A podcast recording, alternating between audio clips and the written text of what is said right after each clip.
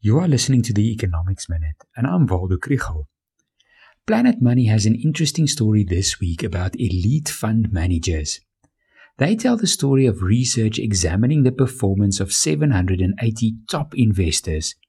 These guys manage an average of $600 million for one or two large clients, like a pension fund. They are the cream of fund managers. They can buy and sell stocks, and their decisions were compared to a very simple investment strategy, just randomly selecting a stock to buy or sell.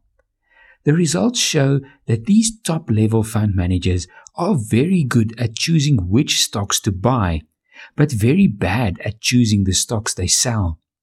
The explanation for this is feedback, or actually the lack of feedback.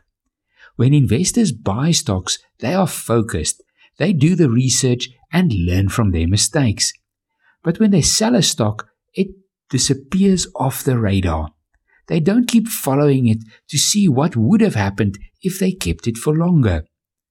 So it seems these fund managers will be better off focusing on buying stocks and then using a, computer algorithm to sell them.